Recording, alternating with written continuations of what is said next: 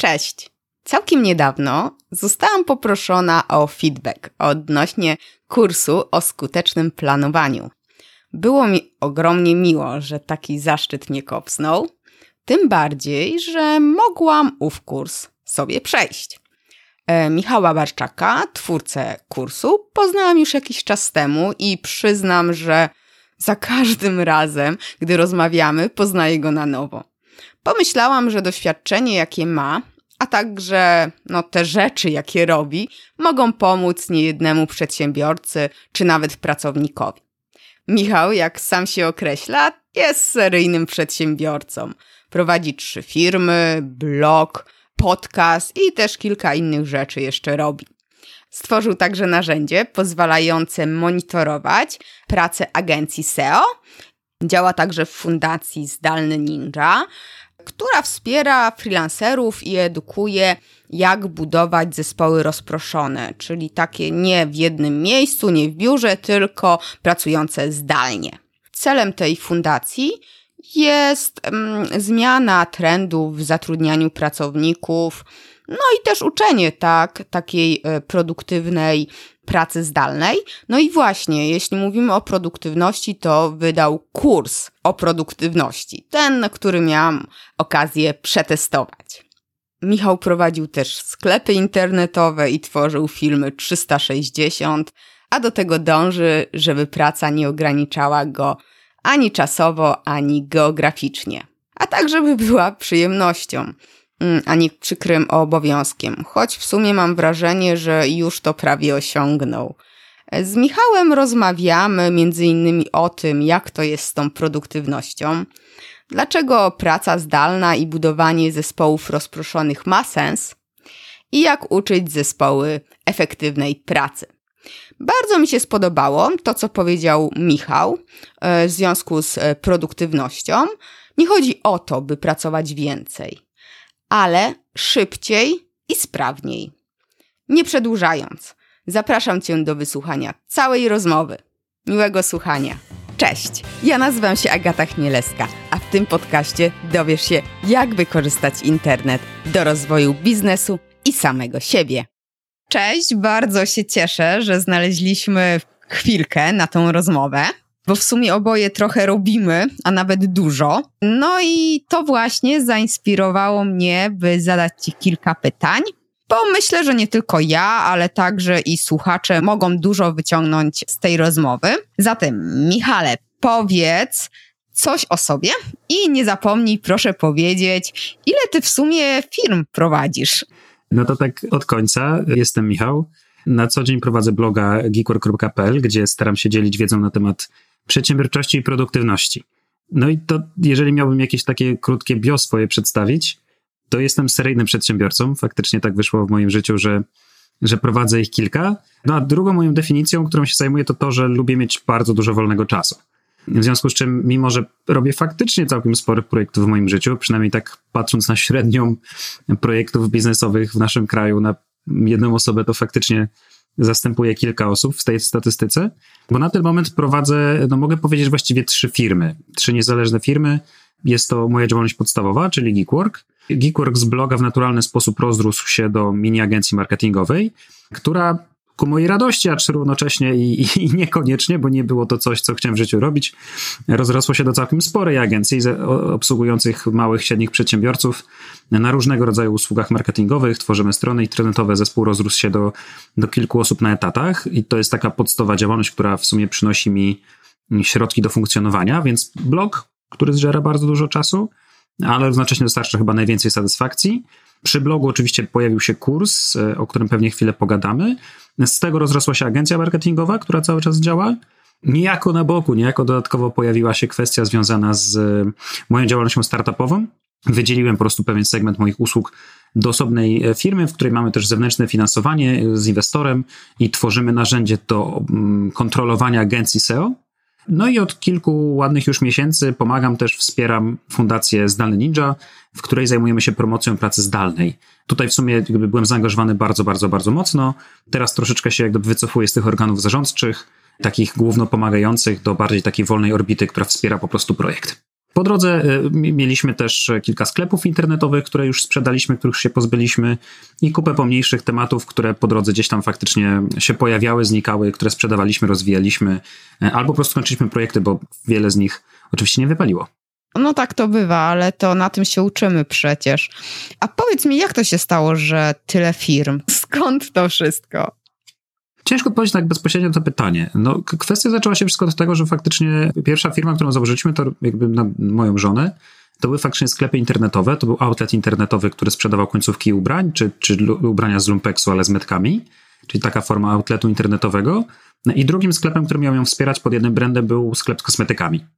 Natomiast no, kosmetyki bardzo szybko upadły, ponieważ nawet jak się zatowarowaliśmy za kilka, no właściwie naście tysięcy złotych, to niestety w sklepie internetowym wciąż to wyglądało bardzo biednie, a nie chcieliśmy działać na dropshippingu czy jakichś innych takich dziwnych kombinacjach, tylko po prostu faktycznie chcieliśmy się zatowarować, mieć sklep na stanie e, i, i faktycznie móc, móc tym handlować. Natomiast no, bardzo szybko się okazało, że mając nawet 100 lakierów do paznokci, no to na sklepie wciąż to wygląda bardzo skromnie, ponieważ to, jeżeli masz 100 lakierów, po 5 każdego koloru, to się okazuje, że jest tylko 20 na stronie, tak? I już to wygląda bardzo, no bardzo tak. słabo. Tak samo było też ze sklepem internetowym tym z ubraniami. Tutaj faktycznie w pewnym momencie doszliśmy do takiej sytuacji, w której albo musielibyśmy to skalować i faktycznie wynająć magazyn i, i kupić kilka ton tego, i wtedy się faktycznie zacząć rozwijać, albo działać sobie właśnie tak dodatkowo. Finalnie wyszło tak, że po prostu sprzedaliśmy oba tematy, wyposażenie wszystkich sklepów w jedno miejsce, tak naprawdę ktoś po prostu to przejął. Później, kiedy po prostu zakończyłem pracę na etacie, stwierdziłem, że trzeba założyć swoją firmę Skorzystałem oczywiście z dofinansowania unijnego na pierwszą firmę i zakupiłem sprzęt pod e, produkcję filmów 360, czyli takiej wirtualnej rzeczywistości i tym mhm. faktycznie na takiej fali popularności tego tematu przez kilka ładnych miesięcy faktycznie fajnie latałem i, i był z tego bardzo fajny przychód. Natomiast niestety była to praca, która wiązała mnie z miejscem i jakby no, ktoś na koniec nie musiał na tą realizację pojechać, ktoś musiał wymyślić scenariusz, no i to niestety zazwyczaj byłem ja, tak? Czyli mimo, tak. że sprawia mi to całkiem frajdy, to mimo wszystko bardzo ograniczało mnie to w czasie i przestrzeni. Nie było takiej możliwości, żebym jutro wpadł na pomysł, że chcę popracować z Hiszpanii. No bo jeżeli miałem realizację w Krakowie, to musiałem być w Krakowie i koniec. I to wiązało się z częstymi wyjazdami, niestety bez rodziny czy, czy bez mojej żony. Ograniczało też w czasie i przestrzeni zaplanowanie urlopu, bo jak klient przed chciał dać x tysięcy złotych za realizację, ale na jutro, no to głupio było odmówić, nie? To, to było trzeba pojechać. A niestety jakby wiedza i znajomość produkcji tego typu filmu była na tyle niewielka, że chociaż przynosiło to bardzo fajną dochodowość, bo mniej więcej mówimy o kwotach rzędu 150 tysięcy przychodu rocznie, Mhm. Czyli tak wystarczyło do takiego codziennego, normalnego, dobrego funkcjonowania, przyzwoitego życia. No ale niestety było to bardzo ograniczające, więc również całą tą działalność razem z kamerami, e, know-howem, dokumentami ofertowymi, całym brandem po prostu też sprzedałem. Oddałem w obce ręce. Natomiast no, z tego jakby bardzo często zostawały, zostawali ci klienci, którzy chcieli usługi marketingowe. No i żeby mieć porządek we wszystkich spółkach, e, nowa firma, spółka ZO, która była uporządkowana, już, e, już nacechowana i uprecyzowana w kierunku usług marketingowych. Wtedy też uporządkowani pracownicy, kto jest na której firmie zatrudniony. Przenieśliśmy wszystko pod jedną działalność gospodarczą. To i tak to się spokojnie rozwija na tej mojej spółce ZO. Przy czym, no, nieskromnie mogę powiedzieć, że pracuję właśnie nad tym, żeby całą tą agencję też sprzedać. Oj. Mamy tam już kilka fajnych zakontraktowanych klientów. Natomiast to też nie jest rzecz, którą ja jakby, nie jest rzecz, którą ja chciałem robić. Tak? To, to jest znowu wiązanie do miejsca, do klienta, do przestrzeni. Wiadomo, faktury, dłużnicy, brak płatności, jakieś dogadywanie rzeczy takich bardzo miękkich, typu mi się to nie podoba, bym chciał, żeby to wyglądało inaczej. To nie są elementy, które ja chciałem robić, one po prostu się rozrastały, bo klienci przychodzili. No więc no głupio mi było w pewnym sensie nie brać tych pieniędzy, bo jeśli ktoś mówi, Michał, ja chcę od ciebie tą stronę internetową, nie pozwolę, żeby nikt inny mi ją zrobił, albo to ty masz prowadzić moje kanały social media czy kampanię AdWords, bo mam do ciebie zaufanie, no to po prostu to robiliśmy. Budowałem wokół tego zespół w taki naturalny sposób. To jest bardzo przyjemne, bardzo lubię ten marketing i sprawia mi to naprawdę wbrew pozorom dużo frajdy, ale jakby no wracam do tego pytania pierwszego, czy jest to rzecz, którą chcę w życiu robić. Wolę się skupić na swoich produktach cyfrowych i na takiej bardzo dużej niezależności od miejsca i czasu, o tym marzę od dawna, to też rozbudowywuję, więc no, agencja jest, rozwija się, jest super, no ale jak gdyby nie, nie robię tego z powołania, więc jeśli jest taka sytuacja, aby ktoś, kto bardzo chce to robić, w ten sposób pracować, może to ode mnie odkupić, to czemu by nie? Kolejną działalnością, tak jak wspomniałem, jest SafeSEO. SafeSEO jest narzędzie do monitorowania agencji SEO oraz procesu pozycjonowania. No i to też jest taki startup, który się cały czas rozwija, któremu gdzieś tam powoli przyrastają klienci. Jak to w świecie startupowym bywa, mamy mnóstwo problemów do rozwiązania, często technologicznych, później marketingowych, komunikacyjnych, budżetowych. I to jest taki projekt, który faktycznie mi się bardzo podoba, bo jest bardzo niezależny od miejsca. To znaczy, dostarczamy fajną, konkretną usługę, która rozwiązuje bardzo określone problemy. Jeśli ktoś prowadzi e-commerce albo po prostu swoją działalność w internecie i chciałby kontrolować to, czy jego strona jest widoczna w Google, czy też czy usługa pozycjonowania jest dobrze realizowana, no to taką usługę faktycznie dostarczamy. Ale po tej drugiej stronie nie ma to zupełnie znaczenia, czy pracuję dzisiaj na Filipinach, w Tajlandii, czy, czy siedzę w Krakowie, w Warszawie, czy Poznaniu. Zespół też mamy rozproszony, więc to jest faktycznie to, co kręci mi dużo bardziej. Więc SafeSeo chcemy teraz bardzo mocno rozwijać. Poszukujemy jak gdyby teraz jakiejś takiej kolejnej rundy, żeby móc płynąć też poza Polskę i dokończyć jakby też wszystkie funkcjonalności, które chcemy stworzyć. I to znowu jakby było bardzo niezależne od mojej spółki podstawowej, to nie są usługi marketingowe sensu stricte, dlatego zależało mi, żeby to wydzielić sobie na zewnętrznej spółce.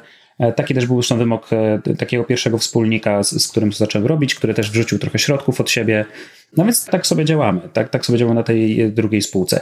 No i trzecia spółka, która też powstała, przy której pomagam, jak gdyby nie jestem tam w organach zarządczych, acz od początku inicjatywy bardzo mocno to wspieram, czyli Fundacja Zdalny Ninja, która łączy się z pozostałymi tematami, bo bardzo mocno przenika się z głównym tematem mojego bloga, też w pewien sposób przenika się z tym, w jaki sposób ja chcę działać, czyli zatrudniać pracowników zdalnych, e, rozproszone zespoły, które konstruuję, są mi bardzo bliskie i po prostu w fundacji dzielę się tą wiedzą niejako bezpłatnie, po prostu chcąc coś na rynku pracy zmienić. A powiedz mi, w tych wszystkich spółkach, tych wszystkich firmach, ty masz pracowników, zespoły jakieś, z którymi no, współpracujesz, albo jesteś no, szefem, tak jakby to powiedzieć, po prostu. Tak, tak, zdecydowanie można tak powiedzieć. To znaczy w każdej tej firmie, o której wymieniałem, czyli tej pierwszej w sklepach internetowych, no to prezesem czy właścicielem była moja żona. E, mhm. Natomiast no jakby wspólnie po prostu to rozkręcaliśmy na jej działalności. Później e, pierwsza działalność gospodarcza, ta związana z filmami 360, to też była jednoosobowa firma, więc również byłem jej wyłącznym właścicielem. No teraz w spółce ZO nadal jestem jednym wspólnikiem, ale no jakby jednoosobowym osobowym właścicielem, prezesem i założycielem, acz będzie się to, tak jak wspomniałem, w historii czasu zmieniało. W SafeSeo również jestem e, jakby właścicielem tej, tej spółki, mam 70% udziałów. E, no i w tych dwóch, czyli w agencji marketingowej i w SafeSeo są zespoły postawione, które mają swoje zakresy odpowiedzialności i jakby te firmy rozwijamy niezależnie, chociaż one oczywiście czasami się przenikają w naturalny sposób. Natomiast no, mhm. jeżeli chodzi o fundację, to tam również jest zespół skonstruowany głównie z wolontariuszy albo ludzi, którzy po prostu kochają pracę zdalną.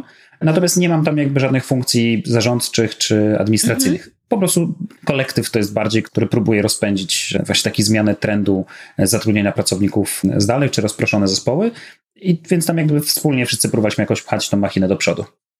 No właśnie, teraz jest moda na pracę zdalną i ja też sobie ją bardzo cenię, ale jednak przedsiębiorcy, no polskie firmy, znaczy nie chcę mówić, że tylko polskie, ale nie znam innego rynku. Z tego co obserwuję, no to jest taka obawa przed zatrudnianiem pracowników zdalnych, ponieważ nie ma się nad nimi kontroli, nie wie się, czy faktycznie pracują. Jakie są argumenty właśnie za pracą zdalną? Masz dużo racji, bo jakby te obawy są bardzo uzasadnione. Bo faktycznie tak jest, że wiele osób, które zachłyśnie się w pierwszym etapie, w szczególności niestety nieskromnie czy negatywnie trzeba przyznać, że my Polacy mamy taką zdolność do kombinowania i jak gdyby od razu myślimy sobie, że faktycznie w naszej głowie się pojawia taka ścieżka typu ok, przecież szef nie patrzy mi na ręce. Natomiast tak. no, zależy z której strony spojrzeć. Bo jeśli firma jest konstruowana w oparciu o jednego menedżera, jednego właściciela, dyktatora czy właśnie zarządcę, a później, nie wiem, o zespół menadżerów, którzy po prostu kontrolują każdy krok, no to faktycznie praca zdalna będzie bardzo trudna. Ale jeśli myślimy o takim nowoczesnym modelu zatrudniania zespołów, bardziej w kierunku turkusu, teraz bardzo popularnego, mhm. czyli takiego delegowania odpowiedzialności, współpracy i zaufania na pierwszym miejscu, to taki zespół też można stworzyć. Oczywiście nie każda branża będzie do tego właściwa, bo są branże, które wymagają fizycznej obecności, czy też są to firmy, które po prostu wymagają bardzo cały czas takiej osobistej współpracy. Nie wiem, wyobrażam sobie na przykład pracę architekta, który z definicji może pracować zdalnie, ale kiedy jest już związany ściśle z zespołem, który to buduje, albo z innymi projektantami, którzy projektują cały budynek, to faktycznie zazwyczaj praca zdalna byłaby bardzo utrudniona. Nie niemożliwa, ale bardzo trudna. Ale w każdym pozostałym przypadku, jeśli ktoś wykonuje swoją pracę przy komputerze, to może ją wykonywać zdalnie.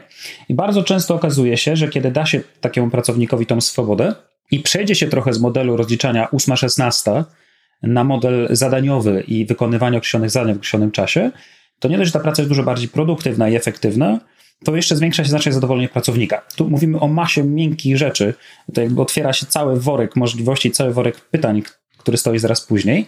Natomiast pytasz o, o, możliwości. Często okazuje się, że w kontekście pracy zdalnej ten monitoring jest dużo większy niż w kontekście pracy tatowej. Dlaczego? No bo jeśli pracujemy na etacie, to mamy też mnóstwo miejsc, w których nie pracujemy. Przypominam sobie sytuację, kiedy ja pracowałem jeszcze na etacie w agencji marketingowej, no to celem było odbicie o ósmej, że tak powiem, się przy drzwiach i zalogowanie do komputera. 8.01 najpóźniej wszyscy byli zalogowani. Ale co się działo o 8.05? No, część pracowników szło odłożyć kurtkę, zrobić sobie kawę, e, nie wiem, przejrzeć coś na komputerze i dopiero wtedy zabierało się za pracę. Nie? Menadżer nie, byłby w, nie jest w stanie 20-osobowego zespołu ogarnąć, czy wszyscy od 8 do 1 pracuje, bo to nie jest normalne, nikt tak nie pracuje. Mhm. Po drugiej stronie, po drodze jest mnóstwo sytuacji, w której y, mamy pewne rozpraszacze, w których też nie pracujemy zupełnie bezproduktywne spotkanie zespołowe, tak zwane burze mózgów, tak? gdzie po prostu ludzie siedzą tak. i połowa ludzi tam nie powinna się znajdować. Po drugiej stronie właśnie szybka kawa, przerwa, miejsce na żarty, to są bardzo ważne elementy, które stalają zespół, pozwalają mu pracować, ale równocześnie powodują, że ta praca jest bardzo nieefektywna. Bardzo często okazuje się, że na te 8 godzin pracy nie przepracowaliśmy 8 godzin tylko 6, czasami 4. Pomijając oczywiście ten element, kiedy już zaczynamy pracować, ktoś nas rozproszy, nim wrócimy do pracy. To wszystko bardzo często przy dobrze zaplanowanej pracy zdalnej nie występuje. No, mhm. pracownik, który o 8 siada przy komputerze, po prostu siada, patrzy, jakie ma zadanie, zaczyna je wykonywać. Nikt mu za 5 no tak. minut, zakładamy sytuację, że nie ma rodziny, biegających dzieci wokół niego, tylko faktycznie ma dobrą, dobrze zorganizowaną przestrzeń do pracy, po prostu faktycznie siada i, i, zaczyna pracować. A nawet jeśli odejdzie zrobić sobie kawę, śniadanie, czy po prostu chwilę się rozproszy, to i tak prawdopodobnie dużo szybciej wróci do pracy niż pracownik, który będzie się szwendał po biurze. No Poza tak. tym w pracy zdalnej, w moim kursie bardzo często o tym powtarzam, że właśnie w pracy takiej stacjonarnej bardzo często występuje zjawisko krzątania się. Chodzi o to, że, że sprawia nam to wrażenie, że ktoś cały czas pracuje. Każdy z nas na pewno zna taką osobę, której wszędzie jest pełno. Ona jest na każdym spotkaniu. Ona co chwilę rozmawia z szefem, z menadżerem, co chwila pyta o innych o ich projekty, dyskutuje, co się w nich dzieje. Natomiast kiedy pracujemy w pracy zdalnej, to ta weryfikacja wykonanej pracy jest dużo prostsza. Albo zadanie jest wykonane w terminie, albo nie. W pracy zdalnej w domu bardzo trudno się krzątać bo nie ma z kim za bardzo pogadać. Oczywiście można próbować brać jakieś spotkania skype'owe, nie wiem, dzwonić do kogoś, ale na koniec dnia w pracy zdalnej, wbrew pozorom, ta kontrola z perspektywy menadżera jest dużo większa. No bo jeśli pracownik zadeklarował, że do piątku dowiezie jakiś tam produkt, usługę, fragment kodu, tekst e, i liczbę wykonanych połączeń, cokolwiek, co jest akurat KPI-em, który mamy, mhm. i wiemy, że efektywnie na podstawie wcześniejszych badań, statystyki, wcześniejszej pracy tyle czasu to powinno zajmować i to nie jest dowiezione w piątek, to coś się dzieje nie tak. Jeśli pracownik dowiezie to szybciej, zrealizuje szybciej to zadanie, to spoko, zyskał trochę czasu. I więc tak naprawdę bardzo się okazuje, że, te, że kiedy zatrudniamy zespoły rozproszone czy zespoły zdalne, to właśnie to krzątanie nam znika, a pojawia się produktywna praca, która bardzo często jest wielokrotnie bardziej efektywna niż praca w biurze. Natomiast oczywiście od tego muszą być odpowiednie procedury, cały schemat pracownika, tego jak on pracuje, jego wewnętrzne modele wykonywania określonych usług, odpowiednie narzędzia, to wszystko musi być wcześniej przemyślane, przygotowane, w pewnym sensie oprocedurowane, i wtedy nie ma tej obawy, bo, bo na bieżąco widzimy, co się dzieje. Ja z moimi zespołami pracuję na aplikacji Nozbi i wszystkich staram się uczyć takiej mieszanki w sensie Getting Things Done, GTD. Nie stosujemy tej metodologii zero-jedynkowo, raczej ją dostosowujemy do swoich bieżących potrzeb, co na przykład oznacza, że każdy projekt rozpisany mniej więcej krok po kroku. To powoduje, że na koniec dnia o 17 Nozbi wysyła mi podsumowanie wszystkich projektów, w których współpracujemy i ja bardzo szybko widzę, który pracownik się obijał. No bo jeśli on w trakcie dnia zakończył jedno zadanie, albo uzupełni tylko jeden komentarz, no to widzę, że na pewno coś jest z nim nie tak. Być może był czymś innym zajęty, a być może nie raportuje mi pracy. Jeśli to się powtarza kilka dni, no to taki pracownik musi ze mną porozmawiać, co się dzieje, bo według mnie jego praca nie jest dowożona. Nie chodzi też o pójście w drugą stronę, czyli na siłę pokazywania miliona zakończonych tasków, bo to też nie jest rozsądne, ale to właśnie kwestia tego wiedzy po stronie menedżerskiej, czy po stronie współpracy z pracownikiem, ile tych zadań tak powinno być wykonywane, co ma swoje priorytety i na koniec dnia, czy dany projekt faktycznie został posunięty do przodu. I tych narzędzi do, do kontrolowania jest znacznie, znacznie więcej, bo mamy mnóstwo narzędzi, które pozwalają no, nagrywać wręcz czas poświęcony na poszczególne zdania. Tak, no ja sama mierzę sobie czas, ile na co poświęcam, bo rozliczam się z klientami godzinowo, tak? Więc oczywiście tutaj też można oszukiwać, ale no jesteśmy dorośli, no i chyba jeżeli z kimś współpracujemy, no to musimy mu ufać. Mam też kolegę, który ma wszystkich pracowników zdalnych i oni po prostu sobie stworzyli takie wirtualne biuro, tak? Po prostu są na kamerkach. Jeżeli potrzebują wyłączyć kamerkę, to wyłączają, e, ale tak po prostu każdy siebie widzi i po prostu w ten sposób sobie działają. Ale wspomniałeś właśnie o produktywności. No właśnie, produktywność. Produktywność pracowników, bo to jest teraz taki modny temat, zresztą myślę, że o nim troszeczkę więcej porozmawiamy, zwłaszcza, że teraz kurs dotyczący produktywności wypuściłeś, ale jak zadbać, jak nauczyć pracowników produktywnie działać, pracować i w ogóle wykorzystywać te metody produktywności, tak, w życiu, nie tylko mhm. zawodowym? No, to bardzo duże pytanie i to najpierw wymagałoby chyba pewnego przedefiniowania, bo tak. dla mnie produktywność nie jest umiejętnością wykonywania większej liczby zadań naraz. Bo tak. Nie, oczywiście, to skutecznie, tak? Tak, i dla wielu to wbrew pozorom jest oczywiste. Produktywna osoba czy produktywny pracownik to dla mnie taka osoba, która potrafi mądrze przemyśleć zadania, które, które ma, dobrze rozplanować swoją pracę, wybrać odpowiednie priorytety i wypychać zadania do przodu. A moja produktywność osobista, ta prywatna i personalna, można ją zdefiniować w taki sposób, że staram się pracować w taki sposób, aby mieć jak najwięcej czasu na swoje przyjemności. Mhm. To znaczy, celem moich systemów i moich metod, które staram się stosować w moim życiu, ich cel jest prosty. Mają skrócić czas, który muszę poświęcić na pracę, po to, aby dać mi czas na na przykład rzeczy, które chcę robić, czy którymi chcę się zajmować, a nie którymi muszę się zajmować. I staram się te kwestie bardzo mocno rozdzielić. Właśnie dlatego, no na ten moment udaje mi się skrócić czas pracy do średnio 6 godzin dziennie, znaleźć czas na czytanie, na rodzinę. Jestem też w czasie wolnym tłumaczem języka migowego, więc staram się działać w środowisku głuchych i im po prostu pomagać na tyle, na ile to tylko dla mnie możliwe. Tych działalności charytatywnych, które robię, jest, jest też troszeczkę więcej i staram się na to poświęcać czas. To są moje priorytety. Praca ma tylko wykonać dla mnie określone zadania, dzięki czemu wpływa na mój kontekściony przychód, który pozwala mi realizować rzeczy, które chcę robić. A z perspektywy pracownika, no to właśnie to, aby on potrafił rozplanować swój czas pracy. Jak go nauczyć? No u nas zawsze to jest pewien proces wdrożenia. Sam proces wdrożenia zaczyna się od tego, że po prostu bardzo często na początku pracujemy wspólnie w biurze, chociaż przez jakiś okres wdrożeniowy. Później bardzo często się zdwaniamy, dajemy sobie wzajemnie feedback, żeby pracownik dobrze zrozumiał. Staramy się pokazywać, jak ja pracuję na tych systemach, jakie elementy mhm. tego systemu, które mamy wspólnie wdrożone, są dla mnie istotne, dlaczego są one istotne i jak pracownik może je wdrożyć w własnym zakresie. Oprócz tego robimy sobie też takie tygodniowe spotkania, mniej więcej półgodzinne, które podsumowują poprzedni tydzień i planują kolejny tydzień, czyli taki sprint. No i jak gdyby też staramy się wszyscy w zespole pamiętać o tym, że to, co nie jest w systemie do zadań, w naszym przypadku Nozbi, to po prostu nie istnieje. Czyli jeżeli czegoś oczekujesz od kogoś, to należy dać mu taska. Jeśli dasz mu taska, dasz mu zadanie, to to zadanie zostanie wykonane. Nie ma innego miejsca ustalania rzeczy. Nie ma maili, nie ma messengera, WhatsAppa czy telefonu, tylko podstawowym narzędziem jest narzędzie do dawania tasków. I już taka prosta zmiana na planowanie zadaniowe i pracę asynchroniczną powoduje, że zespół staje się bardziej produktywny, bo po prostu widzi, ile zadań ma do wykonania, wie, kiedy one są do wykonania, dlaczego te zadania są istotne. Natomiast oczywiście na sama metodologia to, to dużo bardziej zaawansowany temat. W tym kursie, o którym wspomniałaś, skuteczneplanowanie.pl, staram się właśnie takie procedury i takie metody pokazać i wyjaśnić, tak aby każdy mógł je wdrożyć u siebie, zarówno w tej prywatnej efektywności, jak i w produktywności całego zespołu. Często też słyszę opór u ludzi, gdy mówię o produktywności. I Twoim zdaniem warto mówić pracownikom, że o teraz będziemy sobie wdrażać taką i taką metodę, bo pozwoli nam, nie wiem, sprawniej robić jakieś zadania, czy po prostu pokazywać, jak właśnie tak jak powiedziałeś, jak my działamy i nawet nie nazywać tych rzeczy, czy masz jakieś doświadczenia właśnie, bo po prostu widzę często i słyszę o jakimś oporze, jeżeli faktycznie czegoś chcemy nauczyć, to jest oburzenie, że my nie mamy czasu na jakieś tam uczenie się czegoś mhm. nowego, my musimy robić robotę. Pewnie, no to kwestia znowu, wracamy do tego, jak skonstruowana jest firma. Natomiast z mojej perspektywy no sznurka nie da się pchać, sznurek da się ciągnąć. Z mojej perspektywy, bez względu na to, czy próbujemy budować bardziej turkus, czy budujemy nawet klasyczną firmę, w której mamy menadżera i korpo, to i tak zawsze jest jakiś lider.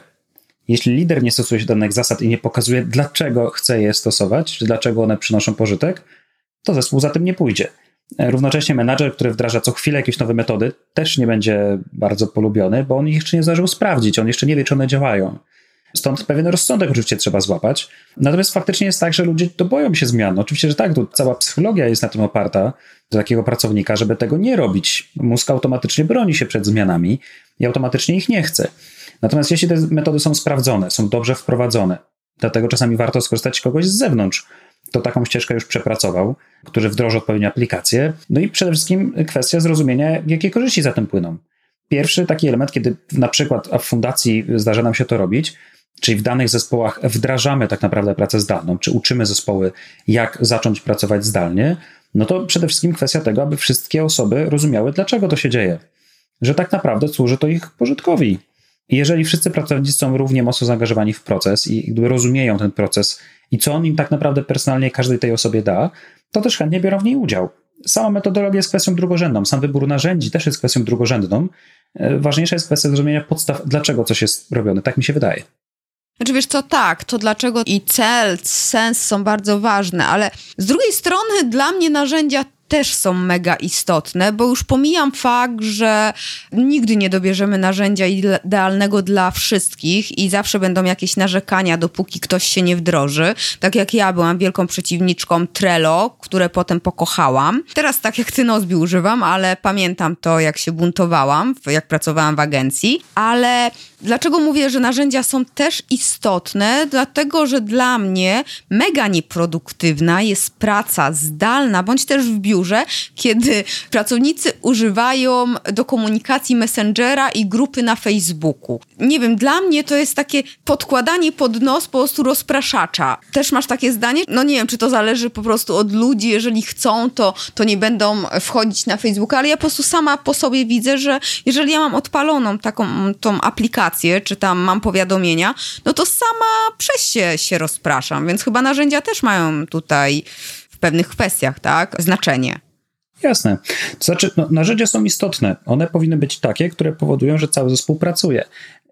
Nie odpowiem Ci na pytanie, czy Messenger jest najlepszym czy najgorszym e, narzędziem, no bo pytanie brzmi, jak on jest wykorzystywany. Jeżeli na przykład mamy jasno oddzieloną strefę spraw prywatnych od spraw zawodowych, ja na przykład do spraw prywatnych Messengera właściwie nie używam. Moim kanałem mhm. do komunikacji prywatnej z rodziną czy z innymi jest WhatsApp i WhatsAppa wykorzystuję wyłącznie do celów osobistych i praktycznie nigdy nie kontaktuję się tam z klientami. Mój Messenger jest narzędziem typowo biznesowym, komunikuję się tam wyłącznie z biznesem. Na desktopie, na komputerze uruchamiam swojego Messengera przez messenger.com, dzięki czemu nie mam całego Facebooka, mam dostęp tylko do newsfeeda czatu, więc hmm. mogę tam obsługiwać wyłącznie czat. Dodatkowo mam też uruchomioną Messages Android, dzięki czemu wszystkie SMS-y wpadają też do, innego, do jednego inboxa.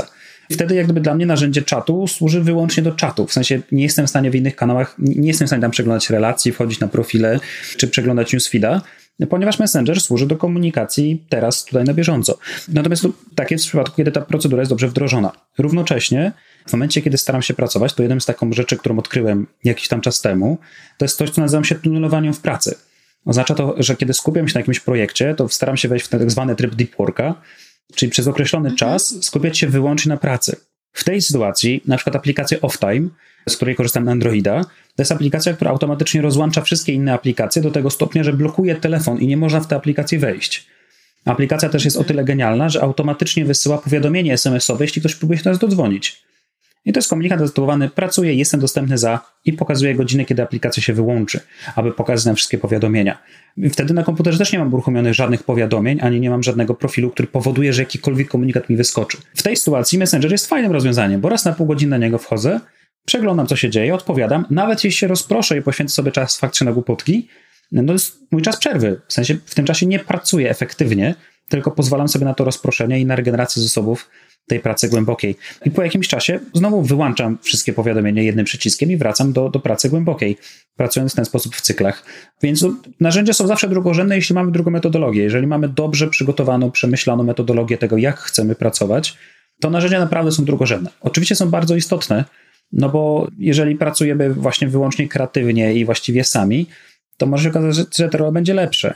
Jeśli pracujemy e, w zespołach międzynarodowych, to może będzie lepszy do komunikacji Slack jeśli, nie wiem, mamy jakieś inne, in, inne preferencje, to może Asana.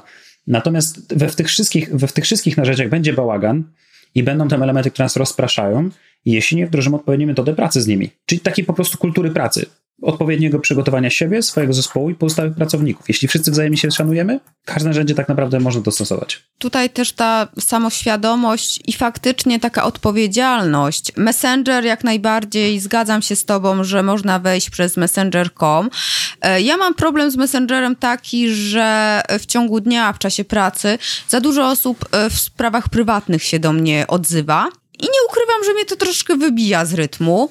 Nie odpisuję, zresztą ja rzadko na Messengerze w ogóle odpisuję ludziom, ale mhm. jak ktoś coś publikuje na grupie, a ja wtedy pracuję, no to nie wiem, ja mam taką może złą manierę, nie umiem się dostosować, ale no ja nie dostanę tej informacji, bo po prostu nie wchodzę, bo wiem, że to tak jakby nałogowemu palaczowi, który przestał e, palić, podsuwać papierosa pod nos no on się którymś momencie złamie, tak? I oczywiście tutaj silna wola, odpowiedzialność, ale kurczę, to jest takie dać okazję, nie? Dać okazję złodziejowi do kradzieży, no to ukradnie. I mhm. stąd było moje to pytanie. No, a faktycznie jest wiele narzędzi, więc e, tutaj jak najbardziej też można sobie to wszystko dopasować. W ogóle bardzo fajne e, tutaj metody swoje podajesz, więc mam nadzieję, że później podzielisz się nazwami, może linkami do narzędzi, żebym mogła podlinkować w notatkach. Pewnie, oczywiście, że to zrobimy, choć równocześnie też podpowiem, że w ramach kursu znajduje się też taki specjalny e-book, Toolbooks tak się nazywa, w której wszystkie aplikacje razem z linkami i krótkimi wyjaśnieniami, do czego służą, są przygotowane. I w ramach kursu też tego e-booka dostarczamy. Wtedy wszystkie informacje są po prostu w jednym miejscu. To jest twój pierwszy kurs, tak? Tak w ogóle? Czwarty, acz pierwszy wydany we własnym zakresie. A, wow. E, myślałam, że zupełnie pierwszy, ale to gratki. No tak, no ty jesteś seryjny, więc, e, więc robisz. E, Dotychczasowe no kursy być... były wydawane przy współpracy ze strefą kursów. W związku z czym to jak okay. było tak, że to było bardziej zlecenie. Pod moim brandem oczywiście, ja go na swoim blogu wciąż e, serdecznie polecam. Był to kurs tak naprawdę jak zarabiać na YouTubie, jak być lepszym sprzedawcą mm -hmm. i jak zostać freelancerem. Natomiast jestem tam jedynym prowadzącym. W przypadku YouTube'a razem z Matem Olechem, w pozostałych dwóch jestem tam e, samodzielnym, że tak powiem, e, kursantem. No i jak gdyby naszym celem było stworzenie kursu pod brandem e, strefy kursów. On jest tam sprzedawany, przy czym no jakby ja to bardzo mocno firmuję też, też sobą. Natomiast skuteczne planowanie, czyli moc produktywności, jest pierwszym kursem, który wydałem faktycznie we własnym zakresie na swojej platformie, całkowicie samodzielnie od początku do końca. A czy ja jako przedsiębiorca, no pracodawca, nazywajmy tak, no przedsiębiorca, pracodawca, mam pracowników, czy będę mogła jakoś właśnie zastosować metody, które tam podajesz i techniki i rady, wskazówki właśnie z pracownikami, żeby jakoś usprawnić pracę? Tak, oczywiście, że tak. Metody, które tam starałem się zebrać, to tak naprawdę kilkuletnia praca. Na stronie internetowej y, umieszczam taki krótki spis książek, które tak naprawdę przepracowałem, czy kursów, które przerobiłem, konstruując swój własny kurs. Jest to ponad 100 godzin przerobionych innych kursów i, i kilkadziesiąt różnego rodzaju książek z różną metodologią, i z tego staram się wybrać taką esencję, wiedzę na temat produktywności, tego, jak zarządzać swoim czasem lepiej. Natomiast równocześnie jak gdyby te metody są dosyć uniwersalne. One pomogą wyznaczyć odpowiednie cele sobie i, i zacząć swoje własne cele prywatne realizować. Bo tak jak wspomniałem, tym jest dla mnie produktywność. Umiejętnością znalezienia czasu na rzeczy, które chce się robić, na rozwój pasji, zainteresowań, czy dla relacji rodzinnych, mhm. ale te metody równie dobrze można wdrożyć właśnie w zespołach. Jedną z takich metod, które tam pokazuję, jest metoda OKR, czyli taka metoda wyznaczania sobie celów, a później ich sumiennej weryfikacji. Ta metoda polega na tym, że tworzymy sobie odpowiedniego Excela z odpowiednimi wartościami. Tak, Excel jest też załączony do kursu jako przykład, i później na podstawie cyklów tygodniowych i miesięcznych, kwartalnych możemy realizować e, każdy projekt. Możemy go wyznaczyć procentowo, ile procent zostało do zakończenia danego projektu, jak ten projekt powinien się rozwijać z tygodnia na tydzień, czy liczbowy, po prostu wykonanie, nie wiem, 100 artykułów i każdego dnia czy tygodnia wpisujemy sobie konkretne współczynniki. W efekcie mamy tam zarówno wykres, który jasno pokazuje, czy jesteśmy pod planem, czy nad planem. Możemy tam pracować całym zespołem, w związku z czym mamy taski podzielone Michał, Tomek, Przemek, i widzimy bardzo bezpośrednio każdy z zespołu, jak dany projekt z dnia na dzień czy z tygodnia na tydzień się rozwija. Więc my w takich OKR-ach również pracujemy. Ja mam swoje OKR-y prywatne, czyli przeczytanie x książek do końca roku, czy realizacja właśnie kursu. Wszystkie tak naprawdę swoje projekty rozpisuję w OKR-ach. Osobne OKR mamy dla mastermindu, który również jest takim elementem wspomagającym produktywność, a jeszcze osobne OKR mamy w zespole. I dzięki temu to jest taka bardzo prosta metoda, która pozwala właśnie na dopinanie konkretnych projektów. Umiejętność pracy takiej głębokiej, pracy w deep worku czy w takim skupieniu, to również jest metoda, którą każdy z pracowników może wdrożyć w swoim zespole i wtedy na przykład wiemy i ustalamy takie, taką wewnętrzną zasadę, że przed 12 nie robimy żadnych koli czy żadnych spotkań, ponieważ od 8 do 12 mhm. każdy ma czas pracy na pracę głęboką.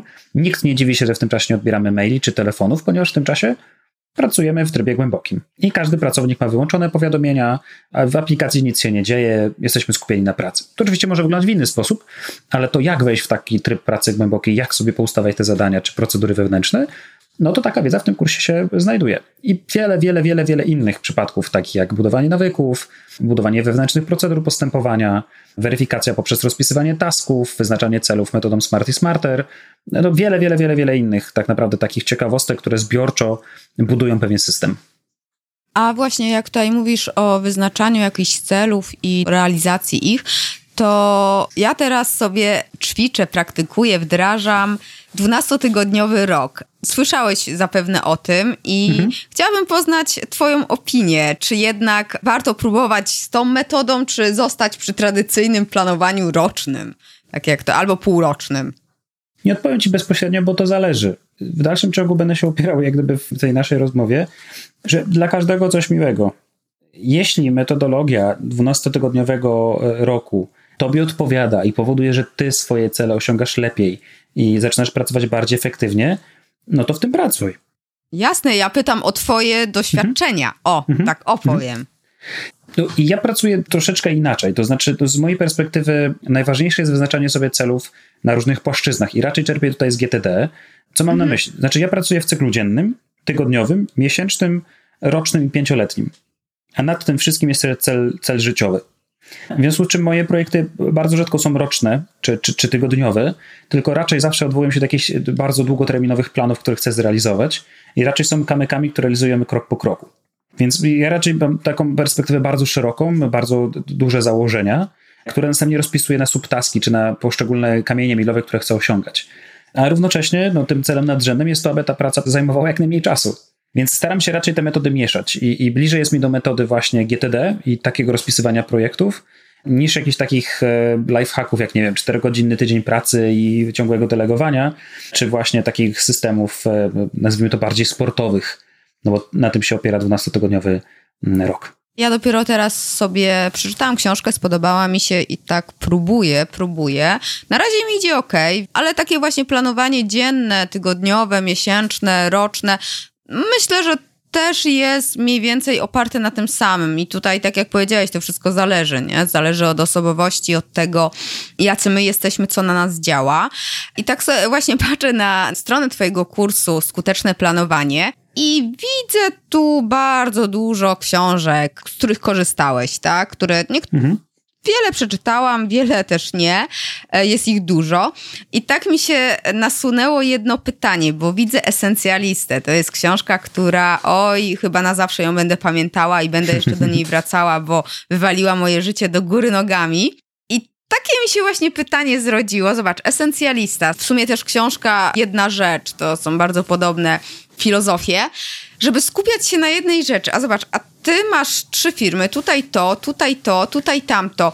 Czy to się no, nie kłóci z tą zasadą, żeby faktycznie skupiać się na jednym i w tym kierunku iść i być najlepszym? Wracamy do punktu pierwszego, zatytułowanego czy praca jest najważniejszą rzeczą w życiu? U mnie nie. Praca zawodowa jest tylko elementem czy czynnikiem, który pozwala realizować inne, moje ważniejsze Aha. cele. Okej. Okay. W pewnym sensie to jest związane troszeczkę z GTD, ale właśnie bardzo blisko do tej książki, która też strasznie wytrzepała moje życie, jeżeli chodzi o sensjonalistę. W moim kursie również się do tej książki bardzo często odwołuję. Tam między innymi na początku jest takie ćwiczenie, aby zrobić sobie listę projektów czy zadań, które chcesz zrealizować i nadać im wartość punktową od 1 do 10. A tajemnica polega na tym, aby później zajmować się tylko dziesiątkami, dziewiątkami. W moim mhm. kursie jest też przygotowany taki specjalny PDF, który pozwala to bardzo łatwo wizualnie też sobie ograć. I u mnie zarobienie miliona nie dostało dziewiątki ani dziesiątki. Moje mhm. wartości, czyli one thing w moim życiu, nie jest zupełnie związane ani z pieniędzmi, ani z pracą. Mhm. Nie, nie, chcę teraz bardzo wchodzić, jest to, jest, są tak, to jakieś tak, te cele tak. moje osobiste. Natomiast Drugim etapem faktycznie jest praca, no bo tam spędzamy większość naszego życia. W związku z czym działalności gospodarcze, które prowadzę, one również są bardzo mocno ze sobą związane. Choć pozornie może tak nie być, to one wspólnie budują ekosystem, który mhm. powoduje, że ja pracuję mniej. Podam konkretny przykład. Metody, które wdrażamy w zdalnym Ninja i kontakty, które tam zyskujemy w przypadku pracowników czy zespołów rozproszonych, bardzo często stanowią podstawę do e, delegowania zadań w działalności podstawowej. To znaczy, działalność geekworkowa jest takim podstawową agencją, która bazuje na pracownikach rozproszonych, na zespołach rozproszonych, ale bardzo często też na podwykonawcach. Związku z czym bardzo często w fundacji te osoby, jakby mamy bardzo bezpośredni przebieg tego, jak one tam pracują, w jaki sposób oni odkrywają to, jak można pracować zdalnie, bezpośrednio wdrażają się w ten proces, my tam pomagamy ich wdrożyć, ale bardzo często okazuje się, że te osoby później dla mnie pracują przy innych projektach. Tak samo jest SafeSeo. SafeSeo jest pewnym elementem, pewnym agregatem, gdzie ludzie przychodzą z bardzo konkretnym problemem, który możemy rozwiązać, ale często tam klienci pytają o pewne usługi. Bardzo różne. Nie świadczymy na żadnej mojej spółce usług SEO, nie świadczymy usług pozycjonowania, ale bardzo często pojawia się tam masa innych potrzeb, które możemy zaspokoić w inny sposób i na innej spółce. Bardzo często też jest w Geekworku, że klienci do mnie zgłaszają się z zapytaniem, że potrzebują takiej aplikacji, więc są kierowani do SafeSeo. Więc te spółki, choć one pozornie są ze sobą bardzo oddzielone i to są osobne działalności gospodarcze i, w osobnych jakby podmiotach są policzone e, wszystkie rzeczy, to równocześnie cel długoterminowy, czyli realizacja pewnej przychodowości i pewien model zarządzania jest w nich bardzo systematycznie i cały czas wykonywany. One się na koniec dnia spotykają w bardzo, bardzo wspólnym miejscu, co pozwala realizować moje cele prywatne. Więc mhm. wielorakość projektów nie wyklucza nam się z równoczesnym pracowaniem nad one Podam trochę inny przykład, który może bardziej obrazuje, jak to jest z tym one thingiem. Nie da się doprowadzić do takiej sytuacji, w której jeżeli ja sobie, załóżmy, że wyznaczam sobie priorytetem, że moim najważniejszym życiowym priorytetem jest moje zdrowie i osiągnięcie najlepszego możliwego stanu fizycznego, jaki jest możliwy. Czy to oznacza, że dzisiaj przestaję pracować na etacie? No nie. Znaczy, jeżeli że... możesz i jeżeli no, chcesz, pewnie, to... Natomiast zakładam, że nie jest to możliwe. Tak więc, mimo że moim one thingiem, moją najważniejszą rzeczą w życiu będzie troska o swoje zdrowie, czy nie wiem, mistrzostwo w kontekście bycia wiem, najlepszym triatlonistą, whatever, nie jest to istotne, to nie powoduje, że rezygnuję z innych priorytetów, bo przecież jeżeli chcę, teoretycznie, nie byłoby to właściwe w życiu, że jeśli dzisiaj chcę zacząć biegać maratony, no to nie rezygnuję z mojej rodziny. Nie, nie rezygnuję no, no, z relacji nie, no. z żoną i dziećmi, nie? To nadal jest priorytet. W czym to jest kwestia ustawienia, tak mi się wydaje, ustawienia odpowiednich priorytetów w odpowiednich dziedzinach. Dobrze, rozumiem, że możemy mieć po prostu tych one thingów, po prostu, znaczy nie możemy, tak? Tylko, że najlepiej sobie to po prostu na różne dziedziny życia, nie? Bo faktycznie to, co mówisz, no nie da się rozdzielić, załóżmy, zdrowia od rodziny, no nie? Bo Właśnie. trudne. Więc wydaje mi się, że powinien być jeden cel nadrzędny, pod które wszystkie inne rzeczy są podporządkowane. Natomiast nie da się zlikwidować pewnej gradacji wartości. No bo jeżeli faktycznie tym celem moim nadrzędnym będzie stanie najlepszym możliwym mistrzem w jakiejś tam dziedzinie sportu, to nadal pewnym priorytetem podrzędnym będzie relacja rodzinna. I teraz, żeby to dobrze zrozumieć, no jeżeli tak chcemy ustawić swoje życie, że moim najważniejszym życiowym priorytetem będzie zostanie mistrzo, mistrzem świata, to jeśli będę musiał wybierać pomiędzy relacją z rodziną, kolacją z rodziną, a treningiem, no to wybiorę trening. Mhm. Co nie oznacza, że zawsze będę zaniedbywał moją rodzinę. Mhm. E, to jest bardzo kwestia takiego trudnego złapania balansu w tym wszystkim. Pytanie, jak bardzo chcemy być mistrzami. Jeżeli faktycznie chcemy być turbo najlepsi, no to nie ma innej ścieżki, nie? Faktycznie jest to sztuka kompromisu i podporządkowania pozostałych priorytetów, czy pozostałych ważnych rzeczy pod ten jeden. I tak też jest troszeczkę w moim przypadku. Jest pewien plan nadrzędny, pod który cała reszta jest podporządkowana i nie ma tu rzeczy ważniejszej. Tak mi się wydaje, tak staram się pracować. Natomiast no, nie da się uniknąć teraz jakby mniejszych zadań czy mniejszych priorytetów, tak? Natomiast jeżeli później stajemy w sytuacji, w której musimy wybierać pomiędzy realizacją najważniejszego celu, a mniejszego celu, zawsze bierzemy ten ważniejszy cel.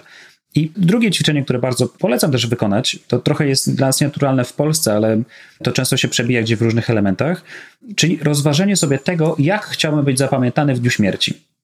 W wielu mhm. książkach można znaleźć taką poradę, aby napisać swoją mowę pogrzebową, przy czym u nas nie ma mów pogrzebowych w Polsce.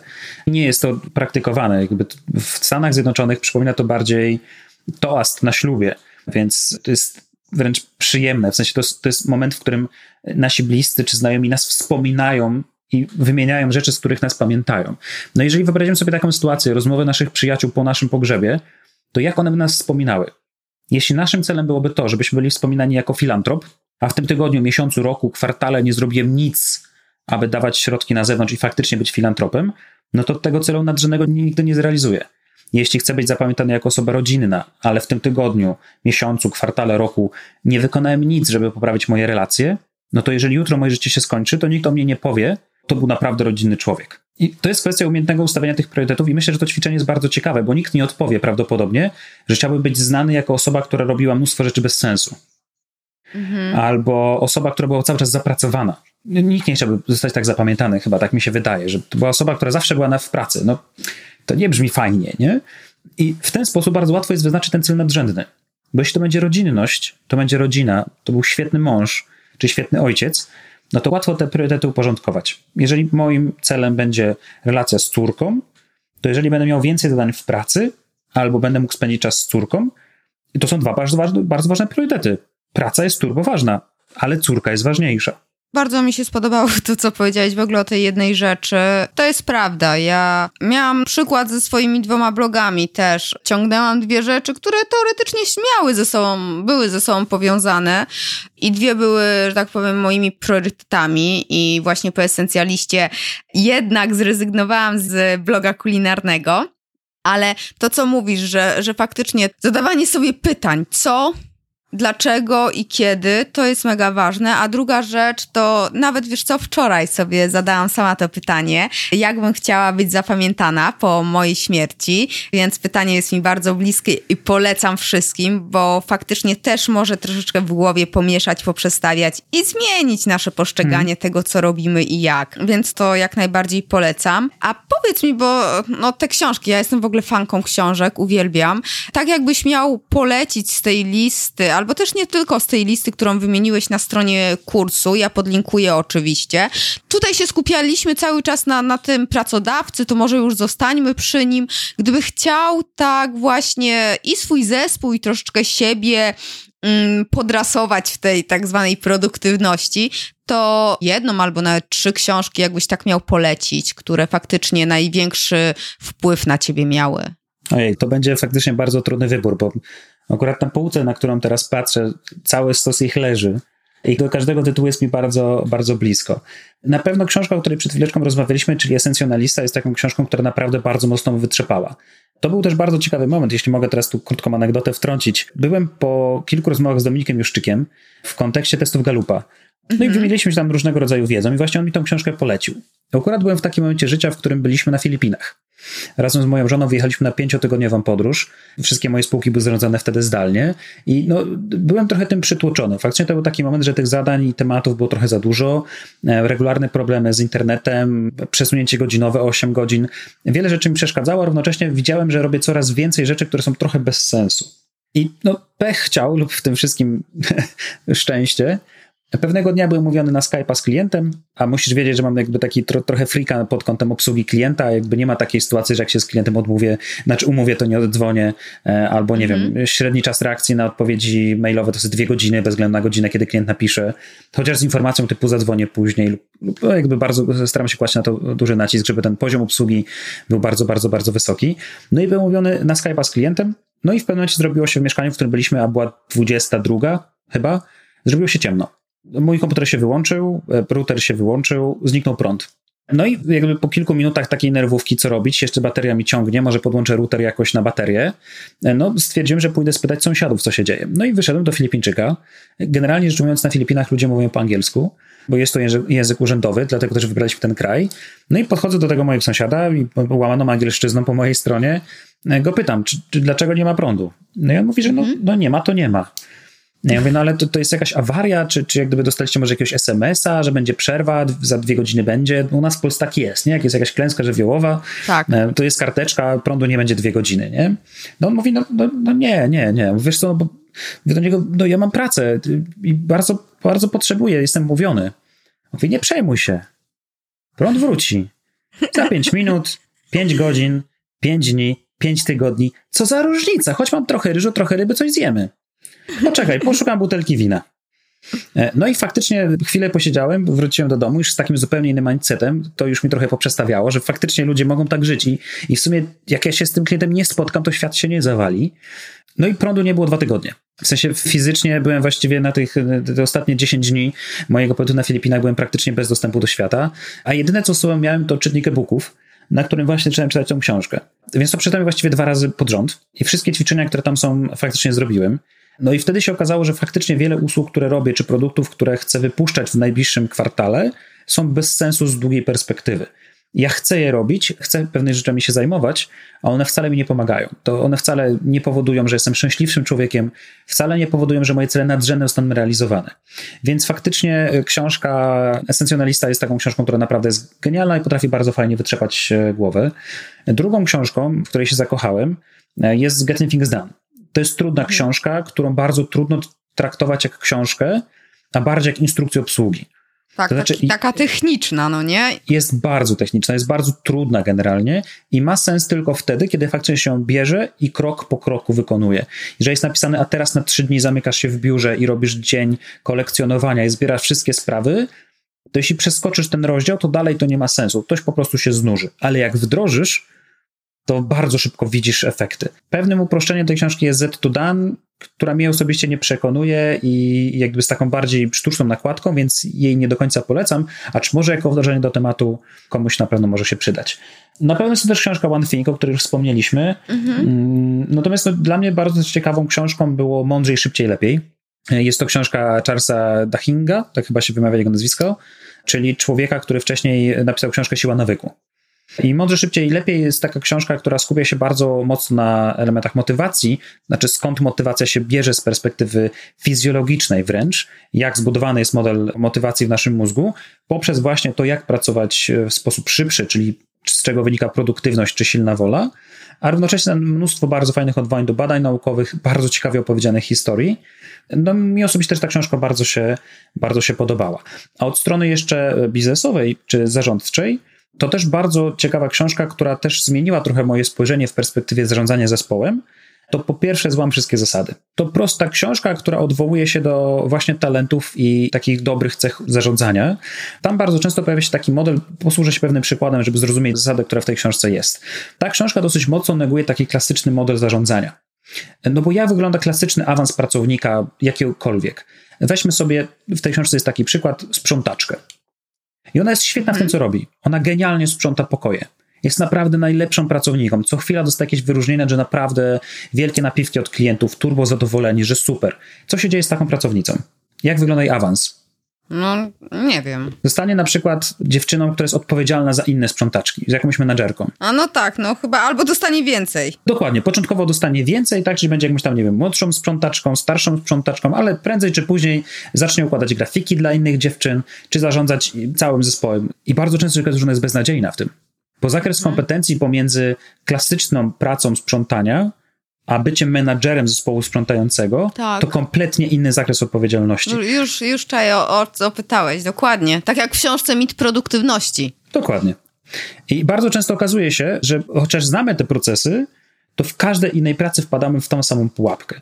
Osoba, która pracuje u mnie jako super social media manager, no jaka można im zaproponować ścieżkę awansu? To dajmy jej asystenta, dajmy jej copywritera, dajmy jej grafika, niech ona tym ludziom deleguje zadania, no i w ten sposób stworzy mikrozespół, będzie menadżerem tego zespołu. Ale to nigdy nie kończy się dobrze. To właśnie, trzeba by umieć zarządzać ludźmi i to niestety nie każdy potrafi. A nawet część osób po prostu nie powinna, bo będzie mhm. się sama w tym męczyć, a równocześnie wcale nie osiągnie więcej. Chociaż to wydaje się takim klasycznym szczeblem w, na ścieżce kariery, czy na drabinie kariery. I ta książka pokazuje, jak te zasady właśnie zmienić, zmodyfikować, że to bardzo często nie ma sensu, że dużo lepiej będzie tej osoby jakby wykorzystać jej talenty, czy jej mocne umiejętności, mocne strony i pozwolić jej się rozwijać w tym kierunku, niekoniecznie tak, jak podpowiada nam intuicja. Intuicja podpowiada, dajmy jej zespół. Ale to nie jest dobre. Mhm. Ta osoba w ten sposób bardzo często nie będzie się rozwijała lub będzie musiała zrobić taki przeskok mentalny i taką wiedzę zyskać, że bardzo często tak. się zdąży wypalić. Więc to, tą książkę też bym bardzo polecił jako właśnie umiejętność produktywności, umiejętność zarządzania zespołami, ale też umiejętność dbania o siebie. To jest jakby ten model, który też przepracowałem w kontekście agencji. Ja bardzo mhm. lubię wykonywać usługi marketingowe dla moich klientów, lubię to robić, a w momencie, kiedy mam od tego zespół, muszę zacząć delegować zadania, to wciąż to lubię, ale to jest zupełnie inny zakres odpowiedzialności. Pomiędzy produkowaniem strony internetowej, a delegowaniem zrobienia strony internetowej jest przeskok mentalny. Na koniec dnia jest ta sama praca, ale sposób wykonawstwa wokół tej pracy jest zupełnie inny. No tak, tak, tak. No, ja mam nawet z życia taką anegdotkę też.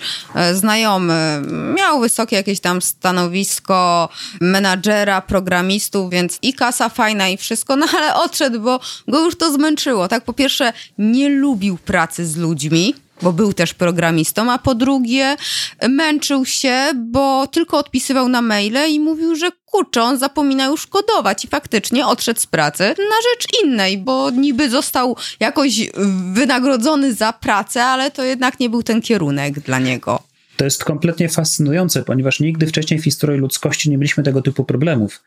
To znaczy, docieramy do momentu, w którym programiści są świetnym przykładem. Nie mamy żadnego pomysłu na rozwój ich karier po 10 lat programista jest zmęczony pisaniem kodu, bo ile można go klepać w większości przypadków. Tak. W dodatku programista nie ma momentu zakończenia. To znaczy ktoś, kto pracuje w fabryce, załóżmy, takiej fizycznej, rąbie drewno, tak, Przy, przykładowe, i obrabia drewno, to on ma pewien moment zakończenia. Jak on produkuje, a pracowałem na produkcji, więc mogę się wypowiedzieć, łóżka prosektoryjnego, to na koniec dnia on widzi efekt swojej pracy. Wziął blachę, pociął ją w paski, wykonał pewną pracę, wykonał pewne zadanie, skończył pewne zadanie, produkt został zakończony, sprzedany, następuje inna praca. Programista w dużym zespole bardzo często nie ma nigdy zakończenia pracy, bo za chwilę wracają do niego poprawki kodu, modyfikacja, nowy dodatek. On cały czas go pisze. Wraz z rozwojem umiejętności potrafi coraz więcej, potrafi robić szybciej, bardziej skomplikowane procedury, ale nigdy nie następuje proces zakończenia zadania. Przynajmniej mhm. bardzo często. A równocześnie, co możemy z tym programistą zrobić za 10 lat? Nawet jeżeli on się nauczy 20 nowych języków programowania, to on cały czas będzie siedział, klepał kod. I najprostszą no metodą tak. dla seniora jest danie mu zespołu młodszych programistów. Ale no, większość no, programistów wtedy, nie chce tego no, robić. Tak, bo wtedy już nie, nie robi co, co lubi, tylko klepie maile, nie? Albo rekrutuje cały czas, spotkania A bardzo często przestał też już lubić pisać kod. Tak, no bo ile tak, można. Tak.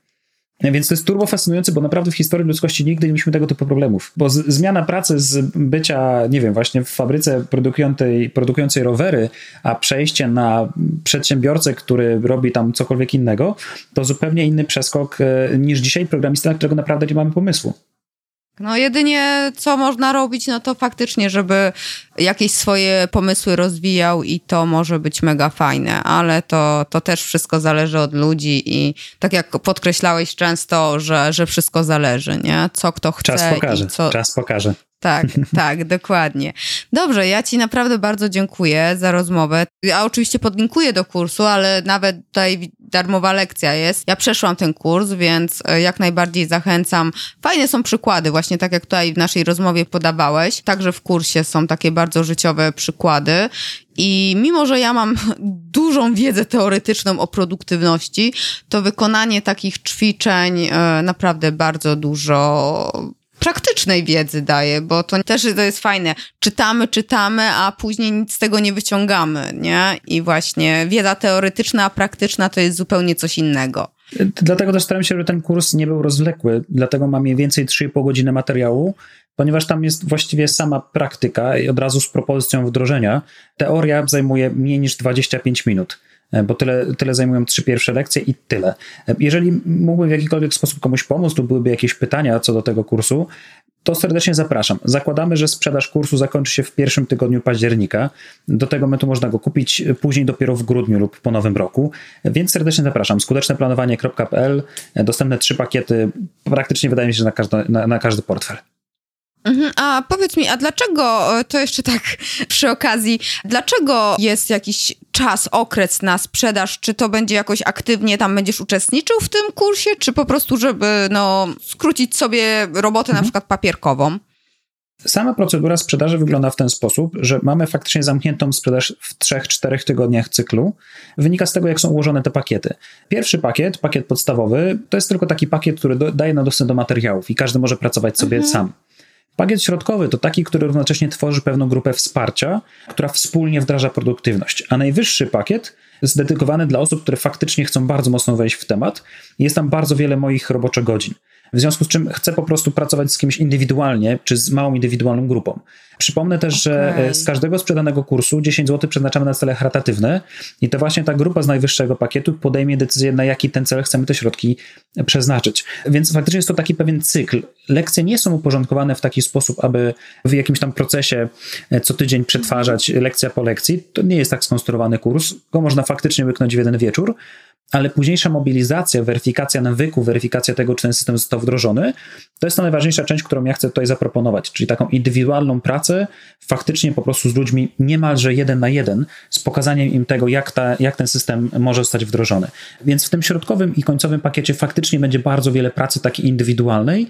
Zakładam też, że faktycznie po przerobieniu tego kursu w przeciągu miesiąca do dwóch uda się każdemu z kursantów wygenerować oszczędność na poziomie 2-4 godzin każdego tygodnia dodatkowych, bez, e, jakby żadnych większych zmian. To są takie podstawowe założenia gwarancji jakości e, tego kursu, bo to daje no, naście godzin miesięcznie i dużo, dużo więcej rocznie. Więc takie są założenia i staram się tutaj tym osobom, moim kursantom krok po kroku pomagać. Nie chciałbym tego robić w sposób ciągły, właśnie dlatego robimy sprzedaż, następuje pewna współpraca, pewien cykl. Jak ten cykl się zakończy, no to odpalamy kolejną sprzedaż dla nowych kursantów. Podoba mi się takie podejście i te cztery godziny bardzo są kuszące, więc y, wiem, wiem, że to dużo jest na, nawet na sen. Nawet na sen to jest bardzo dużo. Dobrze, jeszcze powiedz tylko, jeżeli właśnie ktoś by chciał się z tobą skontaktować, no tutaj wiemy strona kursu skuteczneplanowanie.pl, a jeszcze gdzie? Najlepiej się odzywać, najłatwiej z tobą się skontaktować. Najszybciej łapać mnie w social media lub na mailu. Na moim profilu osobistym Michał Barczak albo po prostu poprzez maila michal.geekwork.pl. Ten mail jest stale monitorowany przeze mnie i przez moją asystentkę, więc jeśli cokolwiek by wpadło, to prawdopodobnie w ciągu dwóch godzin postaram się odpowiedzieć. Super, super. Ślicznie Ci jeszcze raz dziękuję za rozmowę, no i trzymam kciuki za powodzenie w sprzedaży kursu, a także w swojej produktywności. Ja też pełen stresu trzymam kciuki, żeby ten kurs dostarczył wartość taką, na ile y, sam sobie założyłem te cele i że faktycznie uda mi się to zrobić w taki sposób, żeby ludziom to faktycznie pomagało, bo to jest najważniejszy cel tego kursu. I również bardzo dziękuję za rozmowę, było bardzo miło mi u Ciebie gościć. Dzięki, cześć, hej. Cześć, hej. Prawda, że inspirująca rozmowa? Jestem ciekawa Twojej opinii na temat pracy zdalnej, zarówno jako freelancer, jak i członek zespołu rozproszonego, a także jako szef, tak? Czy w ogóle obecnie jest taka możliwość, albo czy w przyszłości mm, przewiduje się w firmie tworzenie na przykład zespołów rozproszonych? Zachęcam Cię także do zainteresowania się zarówno kursem Michała, link podam w notatkach, a także książkami, o których e, rozmawiamy. Wypiszę je oczywiście też w notatkach. Dodam tylko, że mm, jeżeli podacie podczas zakupu kursu kod Agata5, otrzymacie 5% zniżki. Ja przeszłam ten kurs i jestem naprawdę mega zadowolona i mimo, że mam dużą wiedzę teoretyczną o produktywności, to przerobienie wszystkich zadań tak wiecie, krok po kroku, a nie kiedyś to zrobię albo zrobienie tak na szybko, bardzo dużo mi dało. Jeżeli chodzi o książki, to szczególnie polecam książkę Esencjalista oraz Jedna rzecz, One Thing. W sumie obie mówią o tym samym, ale w zupełnie inny sposób. No i jeśli interesuje Cię temat zwinnej, produktywnej, efektywnej pracy, to zachęcam też do przesłuchania 17 i 19 odcinka podcastu Firma Online. Możecie sobie wpisać w e, przeglądarkę achmieleska.com łamane na e, 017 i 019. Właśnie tam usłyszysz także porady innych osób odnośnie tego typu działania, czyli produktywnego, szybkiego, efektywnego. A teraz zmykam i czekam na Twój feedback. Nie obrażę się także za ocenę na iTunes. Będę wręcz wdzięczna. Do usłyszenia następnym razem. Hej! Dziękuję Ci za wysłuchanie tego odcinka podcastu. W notatkach znajdziesz linki do stron, książek czy narzędzi, o których wspominałam. Zapraszam Cię także na mój blog achmieleska.com łamane na blog. Jeśli uważasz, że ten podcast może być pomocny także innym osobom, poinformuj ich o nim, a także zostaw opinię na iTunes. Niech konwersja i uśmiech będą z Tobą.